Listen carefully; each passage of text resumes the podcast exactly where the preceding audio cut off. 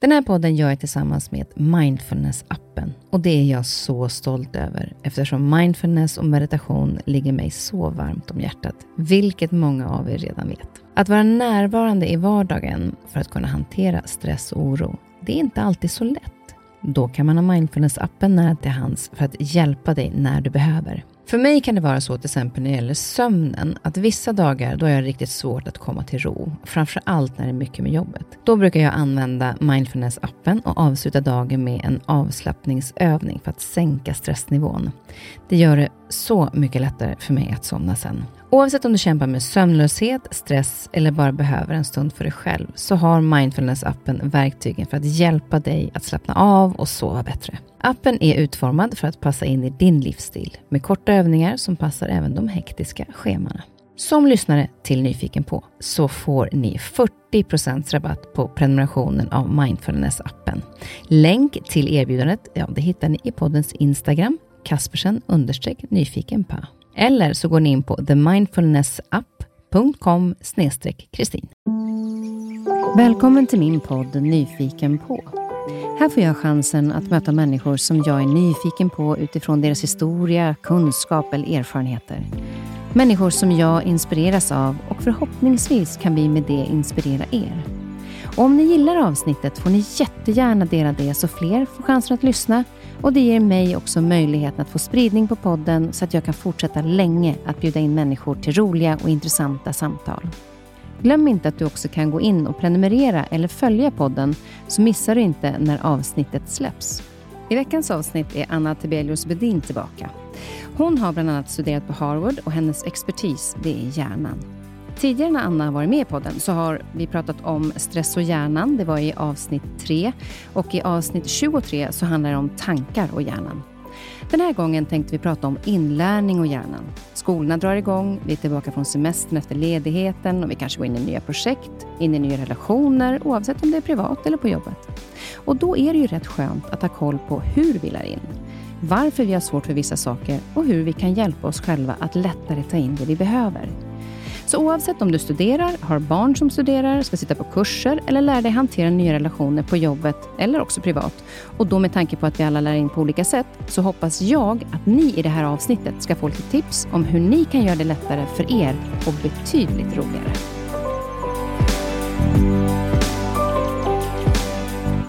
Alltså det är så härligt att du är tillbaka. Ah, jättemysigt Välkommen Anna. Tack snälla. Eh, det är ju det här med hjärnan som vi har pratat om eh, tidigare och eh, det finns ju väldigt många områden att prata kring hjärnan, så därför är det så fint att du kommer tillbaka. Den här gången ska vi prata om inlärning. Mm. Eh, och då, liksom, vad, var det som bestämde, vad var det som gjorde att du bestämde dig från början? Om vi tittar på varför du blev intresserad av just hjärnan. Mm. Det låter ju som ett så oerhört medvetet beslut och för mig har det varit mer sådär, det fanns väl ingenting annat som kunde vara, mäta sig med hur intressant det är med hjärnan. Så jag började ju helt enkelt som alla barn och bara försöka ta mig igenom skolan. Och eh, där upptäckte jag att jag upplevde att jag fungerade lite annorlunda än, än vad jag såg att kompisarna gjorde, och, eller mina stora syskon. och sådär. så att jag började ta reda på vad det var som skulle hjälpa mig själv att lära mig saker. För du hade lite utmaningar i skolan att lära? Ja, det tog ett bra tag att lära mig läsa och skriva och så gick det lite långsamt och så förstod jag inte riktigt vinningen med att läsa, för det tog ju bara tid. Och jag snackade mig igenom större delen av grundskolan kan man väl säga. Ja, det var så? Ja, och det gick ju alldeles utmärkt tills eh, det skulle börja med betyg och man skulle leverera på tid på speciella dagar och skriva prov och sånt. Då hakade ju lära, lärarna upp sig på de resultaten när betygen skulle komma. Och Det kände jag inte alls var rättvist, för jag tyckte jag dominerade lektionerna. Jag har alltid pratat. Liksom. Eh, och Då började jag inse att det kanske ligger någonting vad mamma, svensklärare, ja. kommer från lärarfamilj, eh, tjatade om att man ska läsa. Och Min syster var bokmal och allting, så att jag tänkte okej. Okay. Men jag, jag prövade det där då. Jag tränade väl upp läsningen då och började göra det, för jag hade satt ögonen på vilket gymnasium jag skulle komma in på. Och Då krävdes det väldigt höga betyg och jag hade tre terminer på mig att fixa det. Så det var 14-årsåldern som jag satte igång och då började jag förstå att det handlade om strategier för min egen inlärning och sen blev det väldigt naturligt att förstå att det här först gick i hjärnan. För Det tycker jag ändå är väldigt eh, tidigt att komma på att det finns strategier för hjärnan. Det måste ha funnits en extrem nyfikenhet då ja i att lösa varför lär inte jag in som alla andra? För det är ju Ja. inte det som jag tycker personligen, om man tittar på när jag gick i skolan, så var det inte liksom, då var det bara så här, men hon har svårt för det här. Mm. Eh, eller jag har svårt för det och inte de andra. Mm. Och då får jag hitta en annan väg. Och så lyssnade jag till mig mycket. Mm. Men du gav dig fasiken på att det ska finnas ett sätt att lära sig, även om man har svårt för det. Men att kanske använda en annan teknik, eller? Ja, för jag blev ju väldigt tidigt medveten om att det var ju det här att läsa sig till kunskap som eh, tog tid. Jag upplevde ju inte att jag kunde mindre. Jag är yngst av fyra syskon, så att, eh, middagsdiskussionerna hemma eh, på sex personer, där alla var äldre än jag, de gick ju över huvudet på mig. Och Då kunde man ju ta den diskussionen till klassrummet. Och Sen så tog man klassrumsdiskussionen hem till middagsbordet. Och Då kunde jag ju muntligt ta mig igenom ganska långt, vilket innebar att jag upplevde ju att jag kunde ju minst lika mycket som mina kompisar. Men jag kunde inte leverera det skriftligt och jag kunde inte ta till mig det så snabbt eh, när det skulle läsas inför prov och så så Och då- det är ju någonting som man verkligen kan eh, se i skolorna idag, att det är sån Ja. otrolig skillnad på Ja. att, att vissa har så otroligt lätt för sig Mm. att ta till texten och vissa har jättesvårt. Ja. verkligen. Men då tänker jag att det är många som pratar om att man då har inlärningssvårigheter. Mm. Och, och nu tittar du på mig så här, ja, jag tycker inte riktigt om det där. Nej, Nej. jag har väldigt svårt du- för det begreppet. Ja, men och Eh, varför då? Ja, alltså jag hade överhuvudtaget ska jag säga, inte stött på det som begrepp eh, så länge jag var i Sverige. Men sen efter gymnasiet och universitetsstudier i Lund och så, så kom jag till Harvard. Och där var det ju... Och då, då studerade jag i första hand eh, den specialpedagogiska sidan av, av eh, pedagogiken och neurologin och kognition och psykologin. Liksom. Och då, då var det flera kurser jag hade där som handlade just om learning disabilities, liksom, alltså inlärningssvårigheter.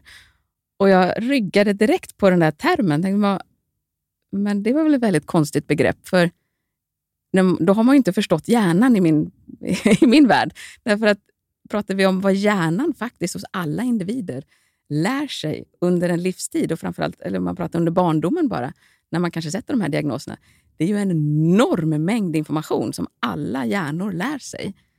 Och att bara för att man inte kan ta till sig information genom ett sånt format som text, som ett mänskligt påfund och dessutom ganska ungt, så kallar man det för learning disability. Jag blev så här, men vad, det här är ju fel på så många nivåer. Så att- Vad, vad sa dina lärare när du diskuterade med dem, jag, jag fortsatte och diskutera med dem lika mycket som jag alltid har diskuterat med mina lärare genom hela skoltiden. Och de, eh, de kunde ha respekt för min, eh, mitt perspektiv på det. Och, men det, det här är ju så djupt rotat. Det här är ju någonting, det är så man pratar om det. det är ju så, alltså dyslexi är LD, liksom learning disability. Men, nej.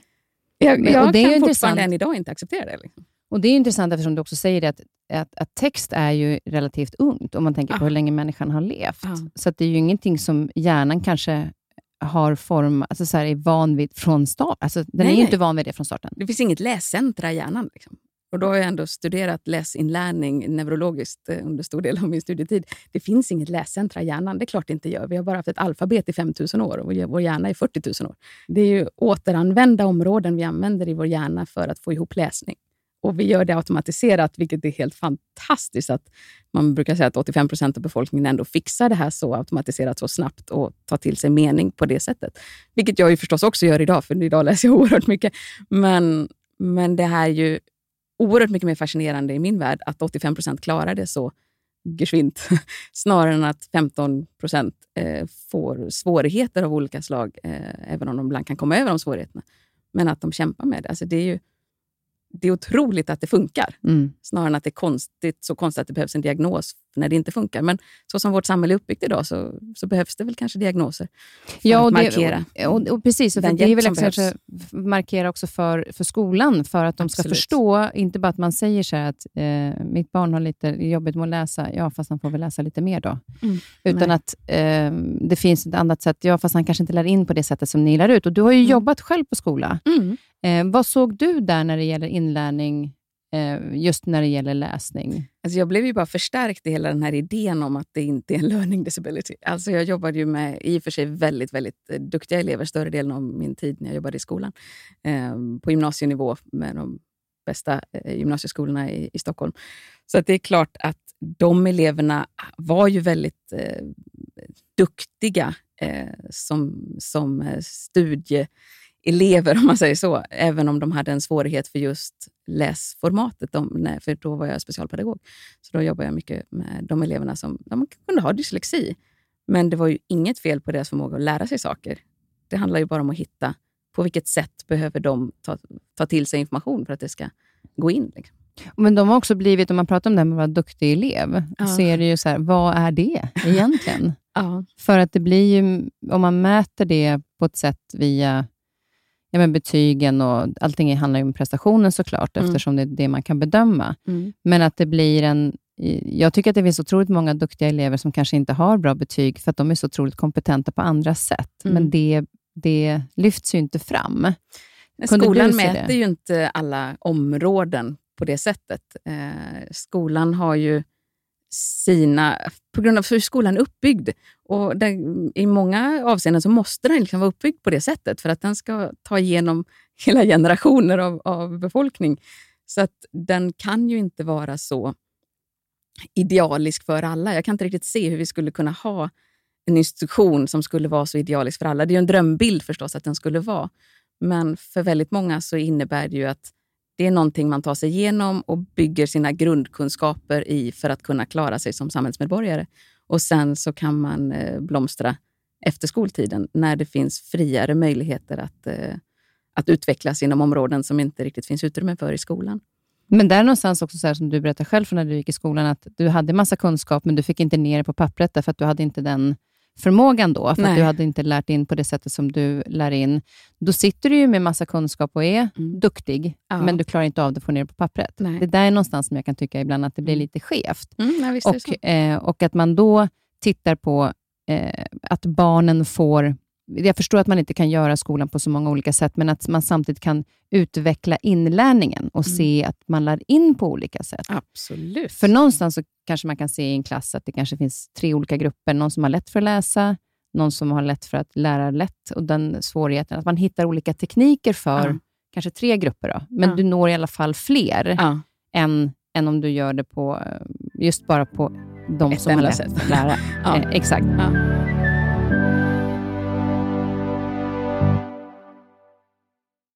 När man, om man då går till själva liksom lärandet och eh, hjärnan, mm. vad är det som gör att vi lär överhuvudtaget? Vad är det som händer i hjärnan? Det är en jättestor fråga. Eh, därför att det är ju det, är ju det hjärnan gör. Det är ju att, eh, att, att lära sig saker, det är att hela tiden utvecklas. Så när jag säger att hjärnan är 40 000 år gammal så är det ju vår grundstruktur och den vi föds med. Sen vad vi gör under hela vår individuella livstid formar ju om hjärnan hela tiden. Och Då beror det ju på vad vi ägnar oss åt. För Det är det vi tränar på som hjärnan kommer att eh, stärka upp. Och Det vi inte gör så mycket kommer ju att eh, rustas ner, om man säger. Och, och Sen så finns det olika perioder. Då. Jag ska snart komma till själva svaret på din fråga. Men bara lite bakgrund så kan man säga att eh, tar vi sådana perioder som till exempel treårsåldern i och för sig, men, men framförallt kanske puberteten då, om vi pratar skolbarn, så eh, det vi har ägnat oss åt mycket före puberteten, när den här stora renoveringen görs av hjärnan, då, det stärks ju under den renoveringen. För det var tydligen någonting som var viktigt för oss och det är någonting som då stärks. Vilket innebär att har vi läst väldigt mycket före puberteten så förstärks möjligheten att kunna läsa snabbare och mer automatiserat och högre läsförståelse och allt det här. Eh, det stärks under puberteten. Men samtidigt är det ju samma sak tvärtom. Alltså om vi inte har läst, så som jag gjorde, mm. att jag inte läste, då är det betydligt tuffare uppförsbacke att ta tag i det efter puberteten. För då har ju, har ju den renoveringen inneburit att det där var inte något prioriterat eh, nervsystem, utan det kan vi rusta ner, för det var inget du använde så mycket. Ja, och Då okay. gör man det svårare för sig. Men vad är det som gör att kunskap sätter sig? Då? Ja, eh, som, som svar på din faktiska fråga. Eh, vad är det som faktiskt gör? Det handlar ju om att vi måste för det första rikta vår uppmärksamhet till någonting eh, för att det ska kunna bli något som blir så prioriterat av allt det, all den enorma mängd data som når hjärnan när vi bara lever liksom, och, är, och är medvetna, så nås hjärnan av en enorm mängd information. Och det är ett smalt, smalt, smalt öga av, eller kanal man ska säga, som faktiskt får den direkta uppmärksamheten av det vi har omkring oss. Det, jag ska inte säga procentsiffror här nu, men det är väldigt, väldigt, väldigt lite. Och när vi uppmärksammar någonting så gör vi det troligen för att det är det som ger oss mest dopamin i stunden. Det är det som stimulerar eh, vår hjärna mest, så att eh, vi får en ökad utsöndring av dopamin jämfört med allting annat vi skulle kunna uppmärksamma. Och när det händer så tar vi in den informationen och jämför den med vad vi redan har i huvudet sen innan. Säga våra, in, våra förförstå, vår förförståelse om det vi ser, och hör och upplever. Och när vi gör den här jämförelsen så, så blir det liksom en tanke. Det låter väldigt extremt att det allting blir en tanke, men på någon nivå så blir det en tanke. Och Det är de här tankarna som vi sen eh, gör till långtidsminnen och kan komma ihåg. Men vad är det då dopa, eh, dopaminet gör, eh, mm. som, som eh, den substans eller hormon vad nu är, i, i hjärnan som gör att vi tar in? Alltså det... ja. Om man säger att hela vårt nervsystem eh, av nervceller i hjärnan som, som behöver kommunicera med varandra för att vi ska tänka och lära oss saker och bygga erfarenheter och bygga, bygga upp de där vägarna som blir eh, förspårade mönster eh, som är våra kunskaper, så, så måste ju våra nervceller hitta varandra. Och Själva signalen genom nervcellerna är ju elektrisk. Men för att den ska kunna nå och hoppa över till nästa nervcell av alla de här 86 miljarderna vi har, eh, så att det ska bli ett nätverk, så måste de få en kemisk hjälp med överföringen till nästa nervcell och sen till nästa och till nästa och till nästa. Så den går från en elektrisk signal till en kemisk överföring till elektrisk signal till kemisk överföring och så vidare. Och Den här kemin då mellan nervcellerna är det vi kallar för synapser. Och den kemin är en signalsubstans som behövs och där är dopamin väldigt, väldigt dominerande. Alltså att den behövs för att vi ska kunna tänka. Så att den är som en... Liksom, eh, om man skulle ha åkt från ö till ö, så måste man ha en färja som tar ja, sig igenom. Typ. exakt. Det är färjan. Klockren liknelse. Det är färjan mellan, ja, så, att ja. vi, så att vi liksom kommer vidare med ja. informationen. Och det är, ju, det är ju det som jag kan tycka är så intressant. Då, för att när vi då, det här med hjärnan, hur den fungerar och att man liksom har eh, inlärningen och att man lär sig någonting som är så specifikt. Mm. Man kan ju också lära sig vissa saker mycket lättare mm. än andra. Mm. Eh, I alla fall jag. Nu ska jag inte säga att alla gör det, men, men jag har ju mycket lättare, till exempel när vi sitter och pratar om hjärnan i telefon, eller vi mm. pratar om våra... Då, det kan jag ju nörda in mig på, ja. medan jag kan liksom läsa om någonting annat och sen säga, ja, nu har jag läst det här, sen dagen efter kommer jag inte ihåg någonting. Nej. Vad är det som gör att det då sätter sig lättare viss, viss information än annan? Det är ju många olika faktorer där förstås, men, men om vi håller oss just till, begränsar oss till dopaminet just nu, så har du en högre utsöndring av dopamin när det är någonting som du känner levererar för dig. Så att, säga. att du känner att det, det, det, skapar en större förståelse och fler saker faller på plats. Och Det blir intressant för det makes sense. Och det, det fyller ett behov hos dig av någonting du är intresserad av. Du, du har ju ett behov av att lära dig mer av någonting du är intresserad av. Det är ju själva det som är att vara intresserad. Och När du får då de här pusselbitarna som liksom passar och får saker att bli mer meningsfulla, då blir du ett starkare nätverk. Det är ett pussel som liksom hänger ihop. Och, och Det i sig får ju att du, du ökar ju dopaminutsöndringen ännu mer. Och Då får du mer och mer transportörer av den här informationen och det blir starkare och starkare nätverk. Så att kopplingarna mellan nervcellerna blir ju eh, mer etablerade om, du, om de görs med stark utsöndring av dopamin. Och Det är det då mitt intresse och nyfikenheten egentligen som kickar igång mitt dopamin, ja. som ja. gör att då den här färjan går mellan nervsystemen. Alltså nervsystemen Lite det, tajtare tidtabell. Liksom. Ja, men, exakt, den är bra. Den är bra. Eh, men, men då tänker jag så här, att just det här att det kan ju vara så att jag sitter och lyssnar på någonting som jag kanske faktiskt bör komma ihåg, även om jag inte är superintresserad.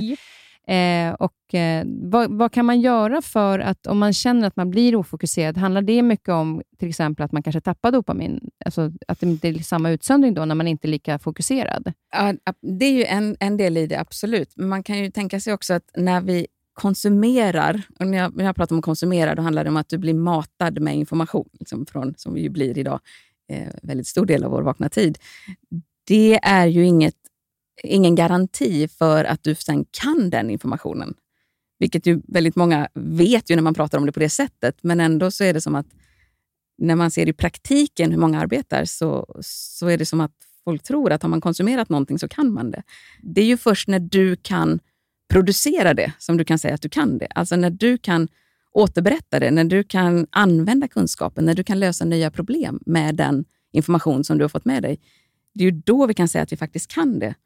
Och Det är också någonting som vi ser i hjärnan. Alltså att att läsa samma text fem gånger är ingen som helst garanti för att du kan den texten.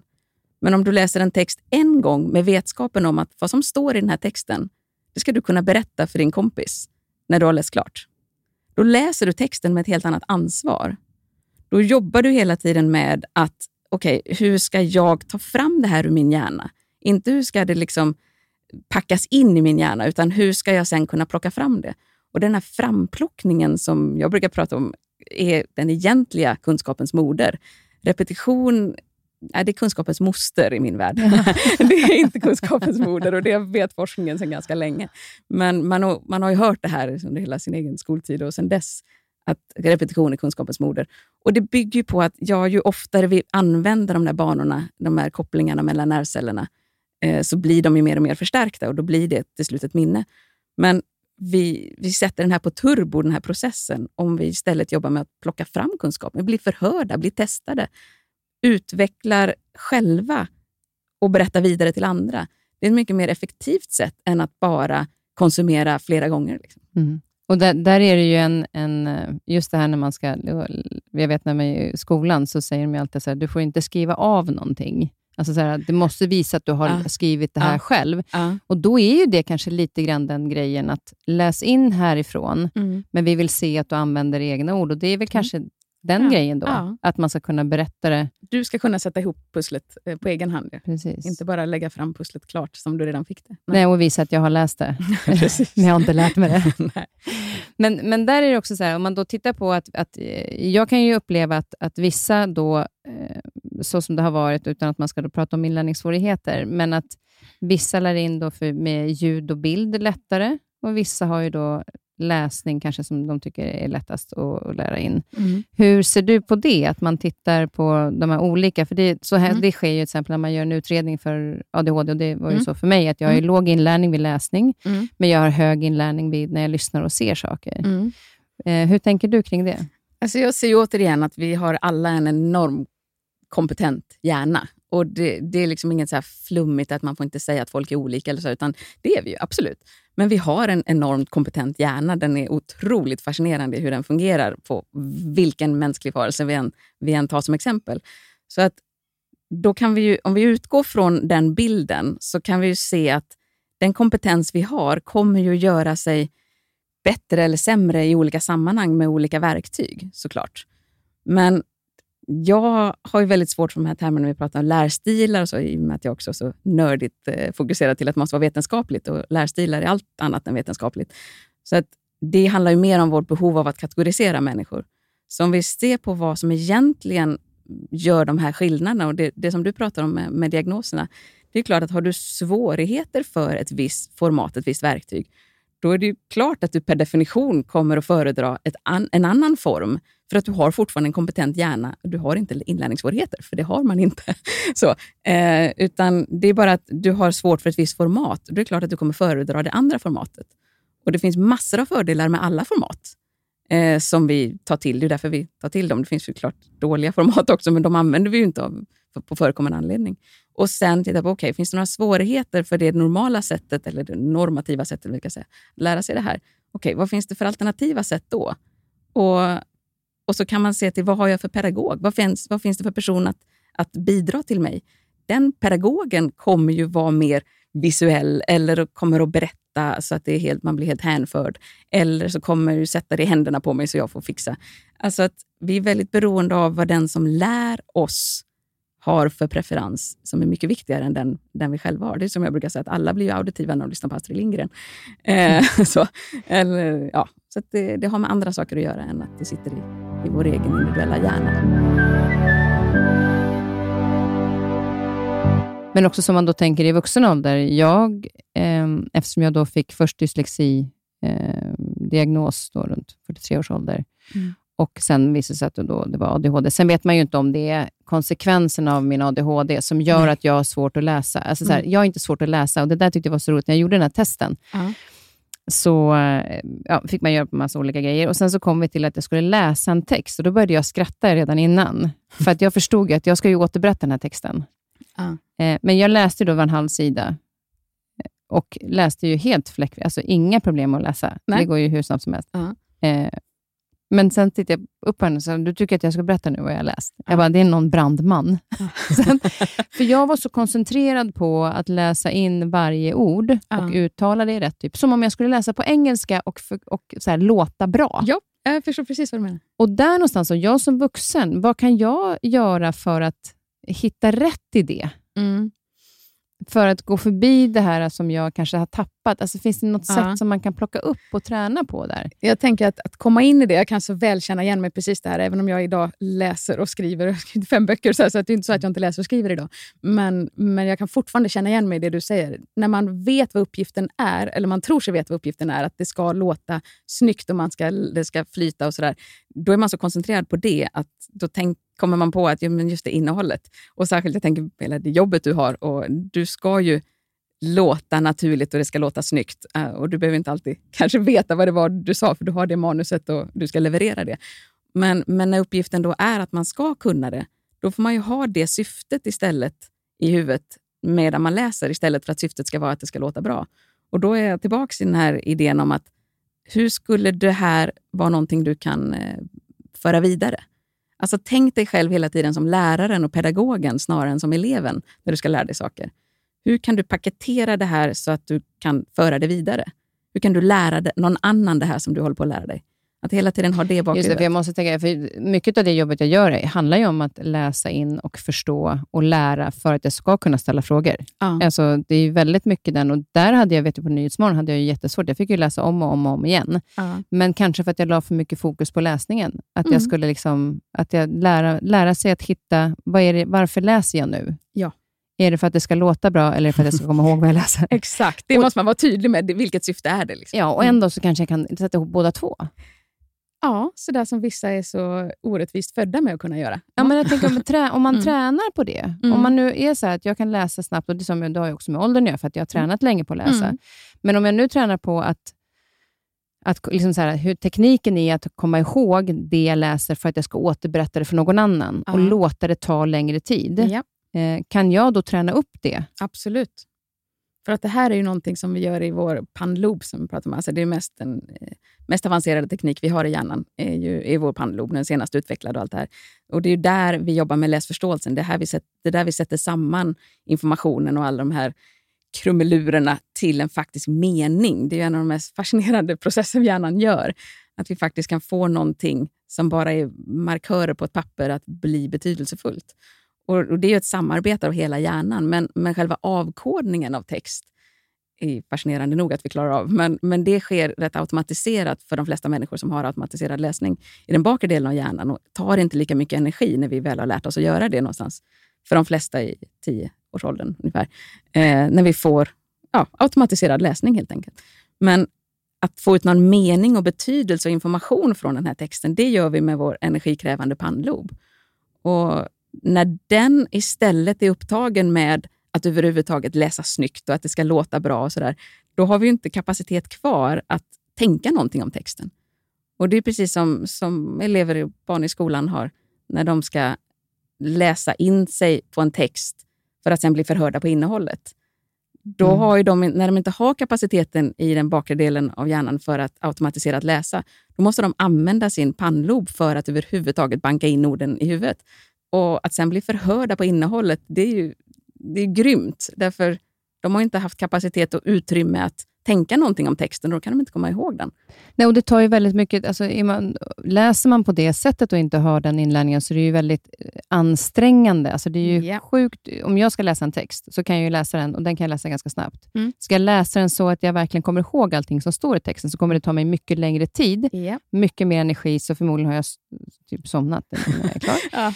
Eh, vad kan man göra där? För där är väl också det här dopamin, eh, när man blir Mm. trött och eh, anstränger sig, så, Mm. så tappar man väl den koncentrationen. Är det då avsaknad också av dopaminet då? Ja, du orkar ju inte lika länge. så det är ju, det är ju hela, alltså Hjärnan tar ju mycket av vår, vårt syresatta blod. Liksom. Och vi orkar ju inte jobba så koncentrerat som det kan krävas då i pannloben eh, under för lång tid.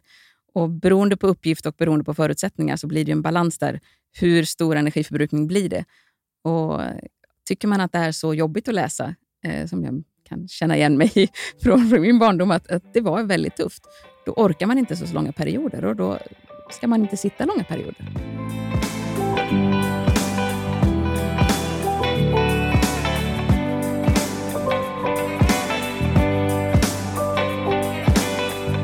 Ju, nu har vi pratat en hel del om det här med att, att uh, lära in vid läsning. Mm. Uh, jag tänkte att vi ska summera lite grann i slutet sen på olika tips kring det. Mm. Men, men ibland så sitter jag också på föreläsningar. Du mm. föreläser. Uh, och Man sitter på ett Teamsmöte vid datorn och lyssnar. Vi sitter på konferenser yeah. där det handlar mycket mer om att lyssna. Och Det kan ju också vara en svårighet att hålla fokus, att få inlärning den vägen. Hur skiljer det sig och hur kan man tänka där för att lära sig lättare om man har, liksom, har lite tufft med det? Mm. Nu ska jag inte säga att man har inlärningssvårighet med det, för då säger jag fel. Men om man kan göra det lättare för sig? Mm. Jag brukar säga att vad det än är som får dig att tänka, så är det, det rätt strategi för dig. Alltså för att det är våra tankar som blir långtidsminnena. Det är de som vi faktiskt sen kan plocka fram. Och Allt som får dig att tänka eh, är positivt om tänka på det du ska tänka på då förstås. Ja. så, men, men att vi blir aktiva producenter, jag kommer tillbaka till det hela tiden, för det är liksom grundprincipen för, att, eh, för inlärningen, apropå att det är kunskapens moder, framplockningen. Att du tar fram det ur din hjärna snarare än att du paketerar in det. Och Vad vi kan göra när vi lyssnar, det är ju förstås att anteckna.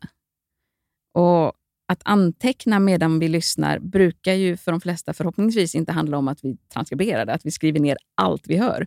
För Det, det kräver ingen tanke alls. Det, det, då är det ju bara som en maskin. Liksom. Men de flesta av oss kommer ju ändå bara rent faktiskt för att få ihop det, kommer ju behöva göra någon typ av urval av det vi hör för att skriva ner. Och Det urvalet innebär att vi måste tänka för att kunna göra ett urval. Så mm. att anteckna innebär ju, även om du aldrig skulle titta på de här anteckningarna någonsin, så bara det att du under tiden du lär dig någonting och lyssnar på någonting faktiskt har anteckningar, innebär att du har etablerat dig i hjärnan på en annan nivå än om du bara hade lyssnat.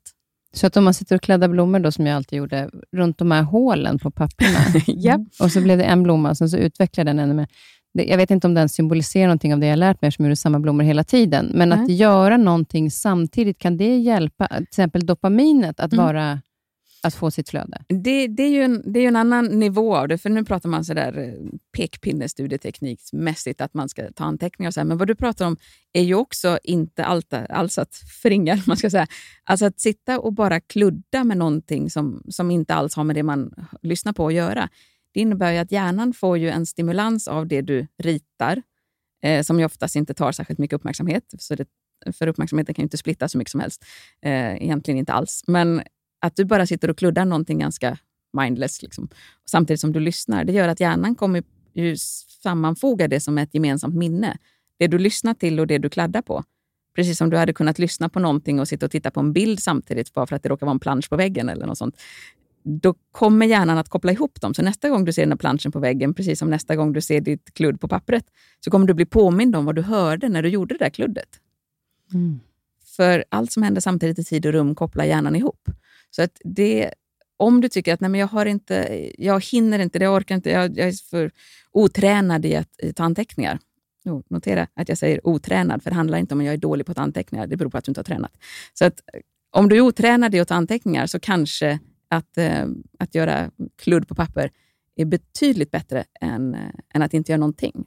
Eller det vet jag att det är betydligt bättre. Mm. Fast jag tänker om man hade haft en lektion med, med det du lär ut mm. eh, och eh, att läraren berättar det för elever. Mm. Att så här fungerar vi olika, olika vad dopaminet är med de mm. här små färgerna som går mellan nervcellerna. Så, så skulle det också kunna bli en mer förståelse för varandra och mm. inte orättvisa. Utan att, Absolut, och många det, jobbar ju så. Alltså, ja, det ska vi vara medvetna om, precis som du säger. Ja, men det, det är jättemånga som gör det. Men, ja. men det finns ju, mm. det, det, som man kan nå ut till de som inte jobbar så, ja. så är det ju viktigt att, för att det blir ju, då har alla elever, de flesta i alla fall, samma förutsättningar. Mm. För att idag har de ju inte samma förutsättningar. Mm. För att vissa elever kan koncentrera sig utan musik mm. och vissa kan inte, till exempel. Då blir det ju inte samma förutsättningar nej, att lära in. Nej, det är det inte. Så det blir ju inte, det är ju orättvist. Ja, det är det som är ironin med orättvisa. Ja, men det, exakt. Ja, ja. Det där är ju otroligt intressant. Och det är ju, Så därför är det ju ändå bra att man kan se, just vad det gäller de här eh, diagnoserna, för att veta att de har en, en eh, brist på dopamin Mm. eh, i den sakens Mm, skull, Verkligen. för att kunna få rätt hjälp. Japp. Och Det gör det ju också lättare för läraren att kunna orientera i sin kunskap. Vem Ja. behöver vad? Ja. Så det är inte, för Jag vet många som kan vara lite rädda för det där med att, att göra utredningar. Det betyder ju Mm. inte att man inte, tänker jag, eh, har inlärningssvårigheter, utan, utan snarare ger dem förutsättningar för att de ska lära in på rätt sätt. Absolut. Om man får en diagnos som är pedagogisk, eh, som, som bidrar till att vara en väldigt stark pedagogisk hjälp, så är det fantastiskt. Det gör ju, kan ju förändra livet, eller det, gör, det förändrar ju livet, det vet jag, för jag har läst min, läst min beskärda del av utredningar. Kan jag säga, att det, det är inte alla som är pedagogiska verktyg, utan det är de, de kan ju vara skrivna på väldigt olika sätt. Men när de är en pedagogisk hjälp, då är de ju guld värda. Liksom. Mm. Vi har ju, eh, oavsett om det här med dyslexi och sånt där som du Mm. pratar om, men så, och det är ju för att eh, min, min son då går i, till en dyslexilärare, som, och det är så coolt att se vad som har hänt på ett år, för Ja. att just det där du pratar om, att han har ju lärt in på fel sätt. Mm. Eh, och Då pratar hon om att det är en, en läsa och skriva ska vara som en stabil mur. Liksom. Ja. Man ska vara så trygg i den att man inte ens behöver fundera på den. Nej. Jag ska inte ens fundera på om det låter bra när jag läser, utan Nej. jag ska vara trygg i det. Det Så ska jag bort från ta- pannloben och bli automatiserat. Exakt, och jag ska bara ta in det jag läser. Ja. men, men, och Då sa hon det att många av de här barnen har ju eh, vissa tegelstenar som inte finns där, Nej. vilket gör att den här muren svajar och att man Mm. då identifierar vad är det det har gått för fort någonstans, vad Mm. är det de har lärt sig på ett annat sätt än vad de lär in. Mm. Och på ett år så har han, från att inte tycka om att inte ens klara av att börja skriva uppsatsen, jag kan börja, han pratade högt för mig och jag skrev. Ja. Så han gjorde ju uppsatsen, men han berättade den för mig och Mm. jag skrev. Mm. Och nu när jag frågar honom, så här, men ska jag hjälpa dig med någonting? Han bara, nej, jag har redan skrivit klart. Mm. På ett underbart. år. Ja. För att identifiera, liksom, och det visar ju på att han har inga inlärningssvårigheter egentligen. Nej, Utan han har, exakt. han har ju lärt sig så sjukt mycket på ett år, Ja. att jag bara så här, "Jaha, alltså vänta nu, jag har hjälpt dig i nio år och på ett år så behöver du ingen hjälp. Mm. Det är en, det är en väldigt just det att, att Då smälter man som mamma. Ja, men verkligen. Ja, och att, det, att vi kommer ihåg det som du pratar om, att Mm. inlärningssvårigheter handlar det inte om, utan handlar om att lära in på rätt sätt. Japp. Och att vi får hjälpas åt. Vi får hjälpa lärarna att säga, liksom, visa att de här delarna kanske de behöver mer hjälp med. Mm. Men jag vet också sen en, en eh, grej, det var att jag var på um, Dyslexia Land, som eh, prins Carl Philip och eh, prinsessa Sofia ha- har. Mm. och eh, Då var det en, en stor liksom, typ konferens där vi Mm. skulle prata om lite grann där kring dyslexi. Och Då var det en dyslexilärare där som hade själv haft dyslexi, eller som har, och jobbat sig förbi det. Och Då pratade hon om det här med att man gör texten 3D. Mm. För att en bild eller ett vitt papper med en text som är väldigt, alltså samma typsnitt och Mm. eh, rent kan bli väldigt platt. Mm. Och att så visade hon en bild och att, att vi ju, ser ju gärna 3D och att Mm. det blir lättare. Finns det någon koppling till det om man tittar bakåt i tiden, att det är så att det kan vara svårare att lära in bara för att det blir en platt bild? Mm. Och det är ju, och, jag tänker, varje fråga då på, på den typen av frågor, tänker jag, och det finns tio olika svar på det där. Eh, man- det beror helt på vilket perspektiv man tar på det, men, men om man ska välja något perspektiv att, att förklara det på, så kan man ju säga att vi är ju inte gjorda för det tvådimensionella. Alltså, men om vi ser till vår historia, vår mänsklighet, så, så är det tvådimensionella som vi lever i idag, särskilt idag, med, med att vi tar, tar del av så mycket genom eh, datorer och, och, och våra skärmar. Det är ju vi inte gjorda för. Vi är gjorda för att vara ute i naturen som är väldigt tredimensionell. Och återigen, vi är inte gjorda för att läsa. Och hur, återigen, det är fascinerande att vi klarar det. Så att det är klart att bygga saker tredimensionellt och att vi uppfattar tredimensionellt lättare än tvådimensionellt, det är inte konstigt. Och har man svårt för läsningen så är det ju rimligt att kan vi bygga upp det mer tredimensionellt eller göra att det mer sticker ut och är en variation, så är ju det det vi är gjorda för. Och om, vi, om vi bara tänker på vad, vad som aktiveras i hjärnan när vi ska uppfatta en bokstav, då är det ett litet område som vi kallar idag för eller stavelsen är snarare, så är det word form area pratar man om. Och Den är ju såklart inte där för våra förfäder som inte hade alfabet och bokstäver och text. Så. Men de hade ju också det utrymmet. Men för dem handlar det om att snabbt identifiera en svart krumelur borta på horisonten. Är det där ett rovdjur? Är det där ett hot eller något jag ska Liksom, är det ett byte jag kan jaga och så vidare. Vi måste snabbt kunna identifiera små svarta prickar i olika formationer. Det är vad vi mm. använder idag och gör om till en bokstav, och till en stavelse och till ett ord vi känner igen. Och, men då var den ju 3D. Liksom, på den Just tiden. Det. det. var ju ett djur som var där borta i 3D eh, som vi tog, tog in. Så att, de här små svarta prickarna finns det väldigt mycket av i en text. Eh, det är ju det texten är. Det är mm. de här små krumelurerna. Liksom. jag tyckte att det var så roligt att höra, för att då insåg jag att, och jag vet inte om, om du som lyssnar kan känna igen dig i det, men jag har ju, när jag skriver manus till exempel, om jag skriver mm. texter, så gör jag så fetad stil och ibland så, det jag inte ska säga kanske jag gör mindre och kursivt. Mm. Och insåg ju då, för att var, jag hade skickat mitt manus en gång på ett jobb till, eh, till ett eventbolag och de skulle då printa ut det här och så sa de mm. att vi vet inte vad som har hänt, men det är väldigt så här konstig text här. Jag bara, nej, nej, det är precis som det ska. Helt rätt. För att då insåg jag att jag får ju min bild att bli 3D. Ja. Den poppar lite större fet stil och sen så försvinner någonting annat och så ja. större rader emellan. Ja. Så då har jag förmodligen gjort min, mitt manus 3D. Eller? Ja, kan det bli det, så? Det är ju mer åt det tredimensionella hållet. Och där, återigen, om vi kopplar ihop till det vi, vi pratade om innan, huruvida vi är olika våra preferenser. De flesta skulle ju få lättare för att ta del av någonting som inte är så exakt och så regelbundet och så formaterat som, som en text i en bok är. Det är fortfarande så att det går ju fortare att mata in text när det är så där enkelt och formaterat om man inte har svårigheter med det. Ja, just det. Så det, så. fördelen att lära, lära, lära sig läsa ordentligt och eh, hitta den tekniken ja. gör ju att det är det snabbaste sättet att få in information. Ja. I brist på, på den funktionen så, så tar vi till andra strategier. Och Det är precis så jag har kompenserat också. Jag är, nu I höst tror jag jag kommer hålla min tusende föreläsning. Så, och Jag har inte hittills hållit en enda föreläsning med en powerpoint. Ja, det gör inte det. Nej, aldrig att jag Nej. skulle ha en powerpoint. Har du bilder? Nej, jag, har, jag ritar på en digital whiteboard eh, under tiden. Så jag skriver ju och ritar kontinuerligt medan jag talar. Och hittills så är väl en gång på då nästan tusen föreläsningar när någon har sagt att ja, det skulle ju gått lite fortare eller mer effektivt om du hade haft det mer förproducerat. Det har hänt en gång från en feedback. Och Vad är det som gör att du väljer att göra det? Att du ritar samtidigt? Därför att det är ju någonting som händer under tiden.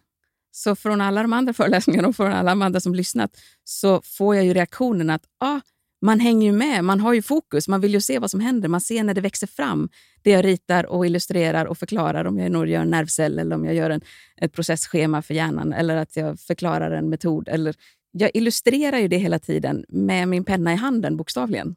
Vilket gör att dopaminet utsöndras ju mer hos deltagarna för att det är inte en powerpoint som klickas fram av något förproducerat. Ah. Det är meningen att det är något som ska växa fram i realtid. Det är väldigt dopaminstimulerande. Att, det är därför vi fastnar i de där videosnuttarna med fullständigt ointressanta saker på, på Youtube eller på sociala medier. eller så. Därför att det är helt ointressant, men vi vill ju se hur det går. Vi vill ju se när det växer fram. Vi vill ju se vad som händer. Fast det egentligen är ett ointressant ämne. För Vi kan bli intresserade av precis vad som helst om vi skapat lite förväntan om att vi vill se hur det går. Liksom.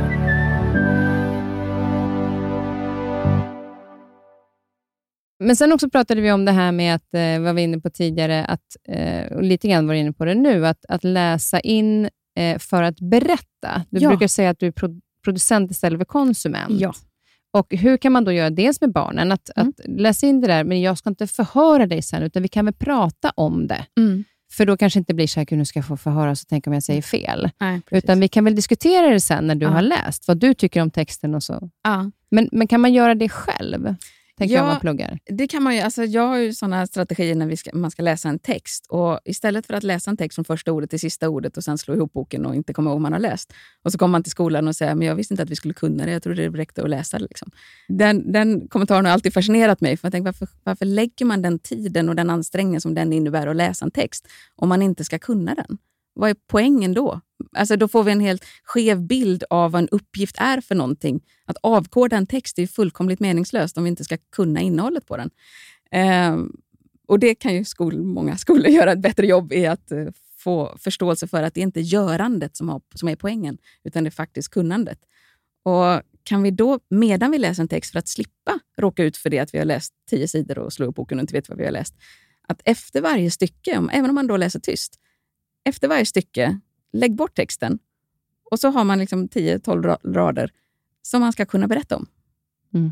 Och det, pratar, det är bara några sekunder den behöver ta att, att berätta om texten, men göra det med rösten. Alltså Så man gör det uttala högt. ord. det är skillnaden högt. att tänka. Ja, Mm. för att du kanske kommer, om du gör det i huvudet bara, så kommer du tänka, men jag vet ju vad jag skulle sagt. Ja, nästa stycke, ja, men jag vet ungefär vad jag skulle sagt. Ja, men jag tror jag vet vad jag skulle ha sagt. Och så tänker man inte tanken klart, för huvudet behöver inte färdigt formulerade meningar. Eh, men det behöver ljudet, så att säga. Mm. Så att om man bara efter varje stycke lägger bort texten, och har man då inte någon förälder, eller syskon eller hund som kan lyssna, så får man ju prata ut i luften då, vilket de flesta slutar också att göra, för det känns ganska märkligt för de flesta att prata rakt ut i luften. Så då slutar man med det också. Och då får man väl bara ta telefonen och spela in dig själv. Du behöver ju aldrig lyssna på det här. Det räcker ju att du bara pratar. Vikten av att du pratar är poäng nog. Det är inte att du ska lyssna på det där i efterhand. För att när du sen inte bara kommer på dig själv med att Nej, men vänta, nu vet jag inte vad jag läst, så har du bara ett stycke att gå tillbaka till. Du behöver inte läsa tillbaka tio sidor. Eh, det, är är skillnad. en, det är en ganska stor skillnad och det är en väldigt stor fördel. Men det är också det att när du kommer på dig själv med att oj vad lätt jag uppenbarligen tappar koncentration, för jag vet efter ett stycke inte vad jag läste för tre sekunder sedan. Då kommer man läsa med ett annat fokus nästa stycke. Och Det betyder att medan du läser det stycket så kommer du tänka på hur du alldeles strax ska uttrycka dig om det stycket. Vilket gör att du kommer läsa mer med den delen av, av pannloben som du ska använda för din läsförståelse. För du går inte tillbaka på bara automatiserad avkodning. Du går fram i pannloben och faktiskt tänker på vad du läser för att du har ansvaret att alldeles strax säga någonting om det. Och Det kanske kan kännas som att det tar lite tid i början med tanke på eh, om man inte är van att göra Ja. på det sättet. Men det, det blir lättare Du ju mer man tränar. Ja, alltså jag skrev ju en bok för några år sedan som heter Lär dig mer på kortare tid. Och där är, där är, en sån eh, strategi, där är den här strategin med. Och Det handlar ju om min egen... Jag har ju alltid hela mitt egen skoltid. Jag hade ju väldigt bråttom. Jag var stressad. Jag ville lära mig väldigt mycket. Men det tog ju sån tid och då blev den frustrationen som gjorde att jag jobbar med det här överhuvudtaget. Och jag skulle ju aldrig ta till mig de där tegelsten av studietekniksböcker eh, som ju handlar om att ja, men läs en text fem gånger och först sammanfattningsläser du och sen skumläser du och sen frågeläser du. Alltså det fanns ju inte på kartan att jag skulle läsa en text fem gånger. Jag vill läsa den en gång och fatta, hur gör jag? Det gick ju inte att få den strategin någonstans, så då tog det mig 20 år. Och sen, sen skrev jag själv den boken. Hur läser du en text en gång och förstår den? Och visst, då kan man ju säga att ja, men det tar ju tid att prata efter varje stycke. Ja, det är några sekunder till efter varje stycke. Men å andra sidan har du läst texten en gång och kan den. Ja, det är en väldig skillnad. Du behöver inte läsa liksom- om, så du kommer ju spara tid och energi Exakt. eh, framöver. Ja. Och har du då en förälder som medan de lagar mat eller eh, pillar med någonting bara kan låna ut ett öra, så blir det mer naturligt att faktiskt avbryta dem efter varje stycke och prata med någon annan. Eh, Så det är bra när den resursen finns. Vad föräldern då ska tänka på, om det är nu föräldrarna vi pratar till, det är ju att hålla tyst. Mm. Ditt barn gör ju det här bara för att själv uttala vad det är de läser. Inte för att du ska säga, alltså stod det verkligen så? Du vet, du, på min tid, då fick vi lära oss att... Nej, håll tyst. Liksom. Men var bara... bara var ett öra. Mm. Så är det klart, säger ditt barn någonting som du tänkte, det där stod det inte i texten.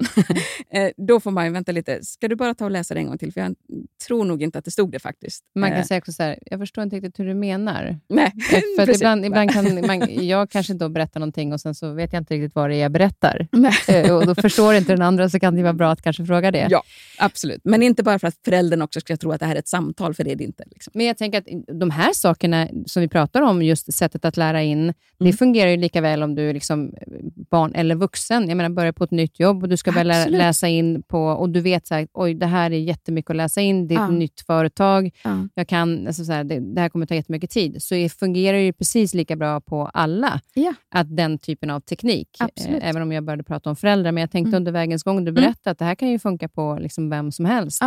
Att just tänka lite mer styckesvis tills vi också har tränat upp det, för då kommer det väl mer automatiskt. ja, exakt. Alltså skam den som ger sig. eh, en annan sak som jag vet att du har berättat för mig, det är att du var inne på att även prata mycket om färg. Ja. Så berättade du att du eh, har olika färger, till exempel på verb och människor och sådär. Va, Ja. vad är det som, hur, hur fu- funkar det? Ja, men det där är otroligt. För att jag växte upp i en familj där både min syster och mamma fungerar likadant. Eh, och Då tror man ju att det är det normala. Sen tog det mig ganska många år, jag tror jag var på universitetet, när jag sa någon gång, jag, ja, uttryckte mig väl på något sätt när jag tyckte att ja, men det är klart veckodagar har färger. Liksom. Och mina kompisar bara tittade på mig och bara, vadå färger? Ja, vadå, du tycker liksom inte att tisdag är vit och onsdag är brun? Liksom. Eh, nej. Eh, och, och då så här, du vet, som i den åldern när man kommer lite, lite nya sfärer och lite nya eh, vänner och så, så får man en helt annan bild av att jaha, alla fungerar inte så här. Eh, nej. Och då började jag ju återigen, som jag alltid varit intresserad av min egen hjärna såklart, det är där allting börjar, och sen intresserad sig för andras hjärnor. Så gick det upp för mig att det är tydligen inte så himla självklart att, att allting har färger, men för min del är det fortfarande så att liksom, alla koncept har liksom färger och alla människor har färger. För mig är Kristin Kaspersen är ljusgul till exempel. Jag är ljusgul. Ja, och då, jag brukar ofta sakta mig för att säga det, för att vissa människor är grå till exempel. Och vissa människor är liksom ja, men skriklila eller så. Och då på något sätt då, då lägger de en värdering i det. Och tänkte, nej, nej. Det, alltså, det är absolut ingen värdering. Jag kan älska människor fast de är grå. Alltså, det, har, det betyder inte att det är dåligt eller värderande på något sätt, utan det är bara att den personen har den färgen. Men jag tänker att det är också ett sätt... Vet, I USA är de ju jättebra på att komma ihåg namn. Mm eh, när man hälsar på varandra. och till och med har man träffat en person så säger man att man har två barn till exempel. Ja, de heter Filip och Leon. Bla bla. Jag träffar dem två senare och så säger så, hej, hur mår du? Hur mår dina barn? Filip och Leon, har de blivit så här gamla nu? Man bara, hur är det möjligt? Vi har sett en gång. Men de har en viss repetitionsteknik. Yep. att de säger... Men det tänker jag också så att om man inte använder sig av färg så kan ju det också... För jag har ju fått säga att du ska tänka på en bild kanske, mm. eller en annan person som heter samma sak. Ja. Alltså träffar jag någon som heter Per så tänker jag på min kompis Per. Yep. Eh, men, men innan jag har, liksom, när jag har träffat fem personer så har jag inte kommit på vilka fem personer jag ska tänka på. Och Sen har jag redan fokuserat så mycket på det så att det är för sent. Uh. Men det blir så mycket, liksom, eh, men då kan man också använda sig av inte bara bilder utan också av färger. Absolut, jag gör ju det. Sen ska jag väl inte avslöja, men jag är ännu nördigare så att jag har en datumminne. Så jag kopplar ju också människors namn när jag ska komma ihåg dem till vilken dag de har namnsdag, i den mån jag kommer ihåg det. Liksom, nu vet jag inte just när Kristin har namnsdag. Men, Nej, men det är inte så konstigt, för jag är med och ibland inte. På fruntimmersveckan då? Ja, 24 juli. Ja. Ibland är det Kristina och ibland har faktiskt Kristin stått med. Eller Kerstin, men ja. Ja, där brukar jag hamna. Ja, men, men för väldigt många av, av människor jag träffar så råkar jag kunna deras namnsdag. Och då blir det precis som färgen, det blir ett datum också att koppla till den personen. Jag tänker, jag tänker liksom, men, men det där är 8 april liksom, eller 9 april. Så, så tänker så jag du kan alla namnsdagar? Inte alla namnsdagar, nej det kan jag inte. Men, men för, De du kan? För ganska många. Ja. Och det, det hjälper ju. Jag inser nu, vilket nu skrevs det nörd i pannan på mig. Men, Men det är helt underbart. Jag skulle vilja vara i din hjärna. Alltså det var spännande. Färgglatt och massor med härliga datum ja, och namn. datum och färger. Det, färger. Det, alltså, det ja. ser ju glatt ut i din, eh, din hjärna. Det är härligt där inne. Men det är det jag menar, att när vi har saker att haka upp saker på, så blir det lättare att komma ihåg sånt som är flyktigt och abstrakt och inte alls logiskt, som till exempel människors namn. Det är ju inte alls logiskt. Det finns ju inget, ingen logik i eh, vad människor heter. Nej. Eh, och Då måste vi haka, haka upp det på någonting annat. Eh. Jag gjorde det på Nyhetsmorgon. Då var en, en, vi hade en gäst som hette um, Bergqvist. Ah. Och jag tyckte att det var jättejobbigt här med namn, för jag, ville, jag tyckte att det var så pinsamt att säga fel. Ah. Um, och Då tänkte jag så här, jag såg ett berg och jag såg ett träd med en kvist. Liksom. Mm.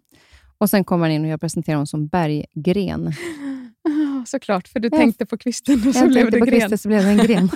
så det funkade sådär, så man kan ju i alla fall ta, ah. eh, tänka. Men, men just för att hitta, och, och där vissa är färg, vissa är bild, alltså att det är ah. ingenting som är rätt eller fel, precis som med mindmappingen. Använd vad som kommer naturligt för dig. Ja, för ja. vi har inte inlärningssvårigheter, vi ska bara hitta rätt sätt att lära in på. Ja.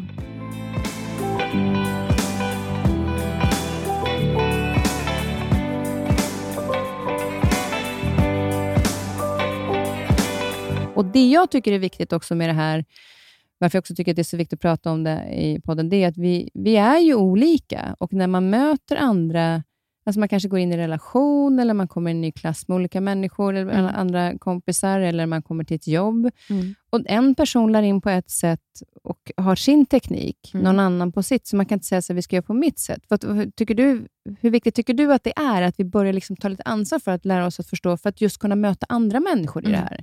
Jo, men det handlar om hela det här samspelet och sån civilisation vi har byggt upp. Vi är ju väldigt beroende av väldigt många andra människor och deras sätt att fungera. Så att det, det, det, ingår ju i det här samspelet vi har för att vi ska fungera som samhälle, att vi tar hänsyn till att människor opererar olika, så att säga. Sen tycker jag ju att det är mer också att göra med, som jag var inne på tidigare, vad det är vi faktiskt ska kommunicera, precis som vad det är vi ska lära oss. Men också vad det finns för nivåer av förkunskaper. Det är en väldigt viktig eh, del i det här snarare än att vi, vi skulle vara olika kategorier som människor. Så att har du väldigt mycket förkunskaper så är det betydligt lättare att, att läsa in sig på text.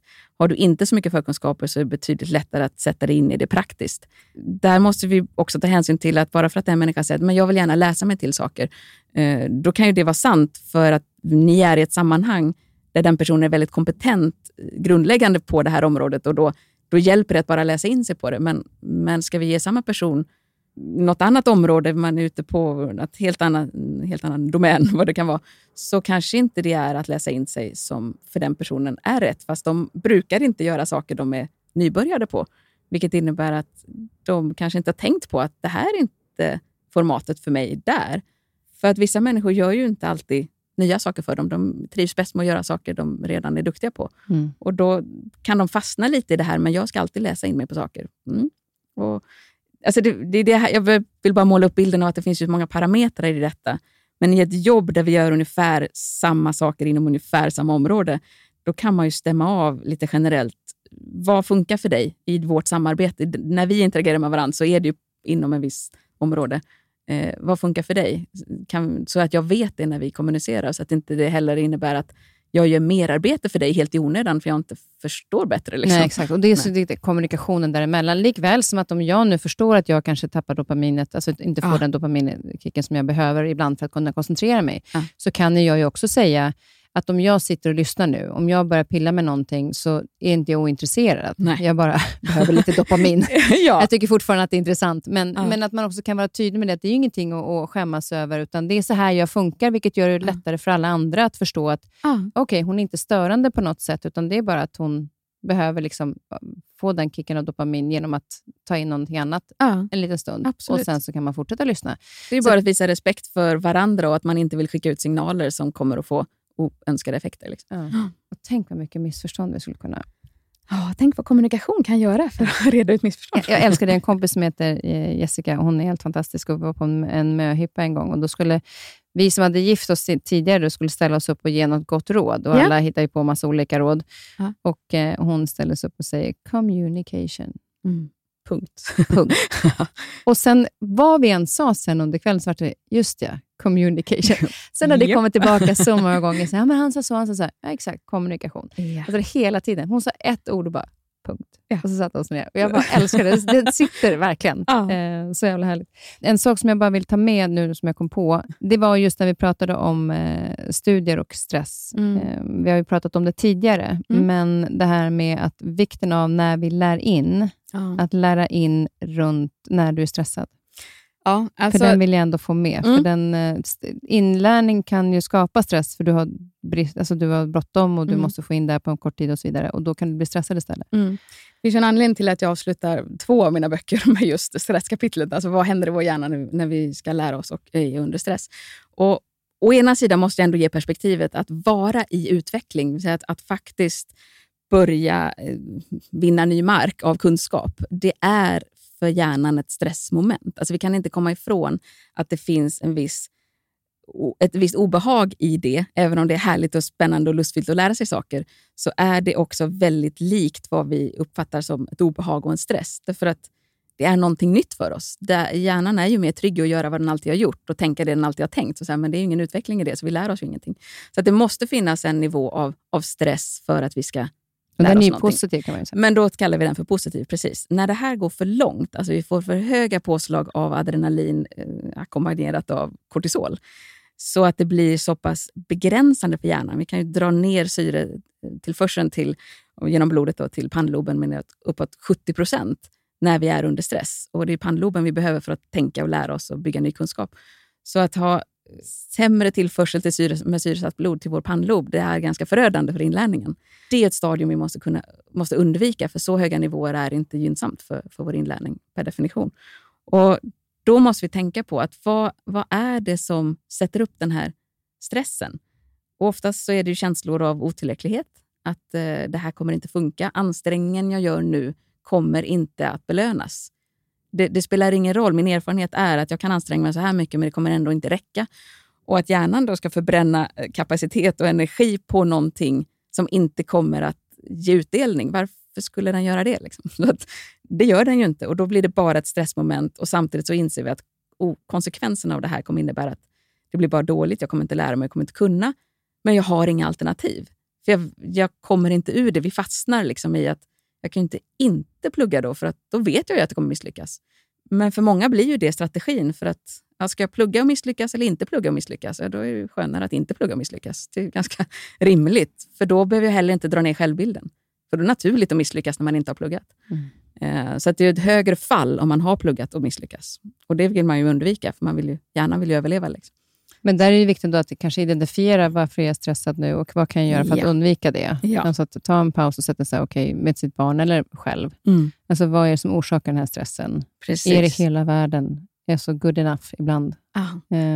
Att släppa den garden lite för att Exakt. hjälpa hjärnan att kunna registrera det du läser sen, ja. eller tar in. Ta det lugnt, gör en sak i taget eh, och förhör hela tiden dig själv.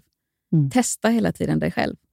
Om det så är att berätta högt vad det är du läser eller är det så att anteckna under tiden du skriver. Jag försöker tipsa om att för att få tankar, tankearbetet att vara igång, vilket ju är det vi behöver för att vi ska lära oss saker, så försök att byta format på det du tar in och det du producerar.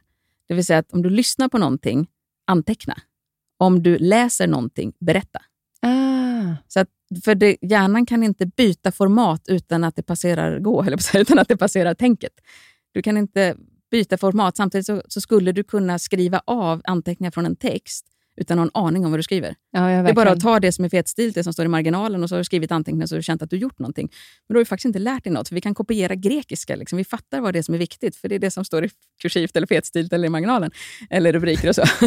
Men vi kan inte lura hjärnan att gå från text till tal utan att fatta vad det är vi säger. Eh, och vi kan heller, med svårigheter att lura ja. hjärnan på det sättet. Och vi kan heller mycket svårligen ta tal ner till anteckningar utan att ha en aning om vad det handlar om. Så byt format så tvingar du hjärnan att tänka.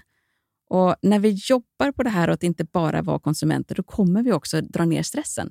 När vi faktiskt producerar, för då får vi hela tiden ett kvitto på Gör den här ansträngningen någonting för min faktiska kapacitet, och kunskap och kompetens? Liksom? Det vill säga, lär jag mig någonting på det här? Eller sitter jag bara som en konsument och försöker trycka i mig korvstoppning och hoppas på det bästa och hålla tummarna? Du behöver en bekräftelse på att det funkar. Det kommer ta ner stressen.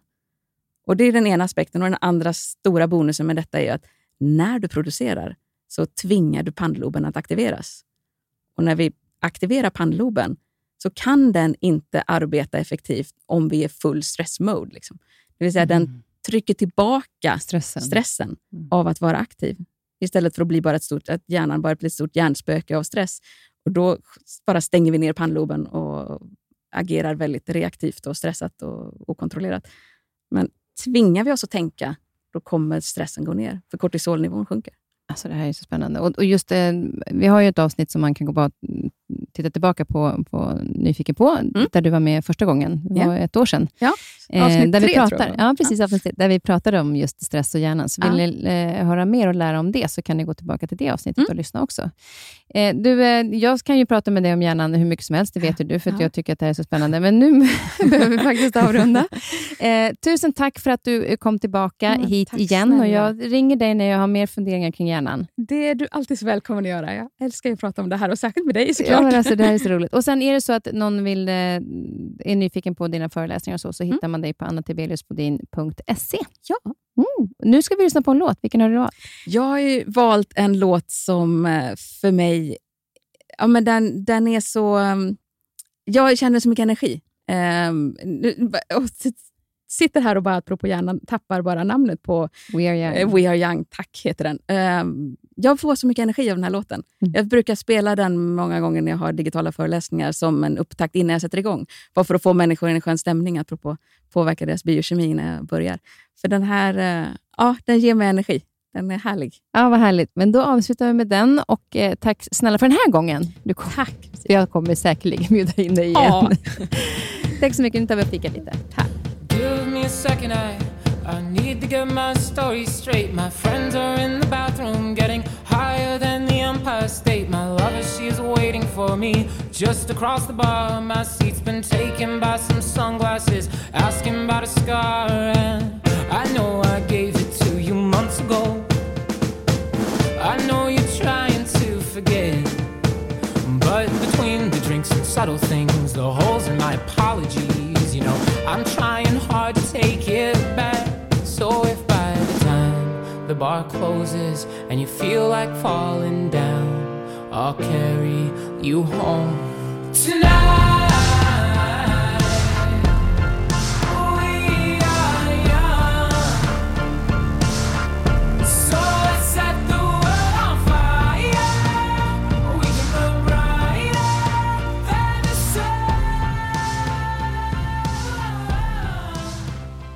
Här podcasten är producerad av Perfect Day Media.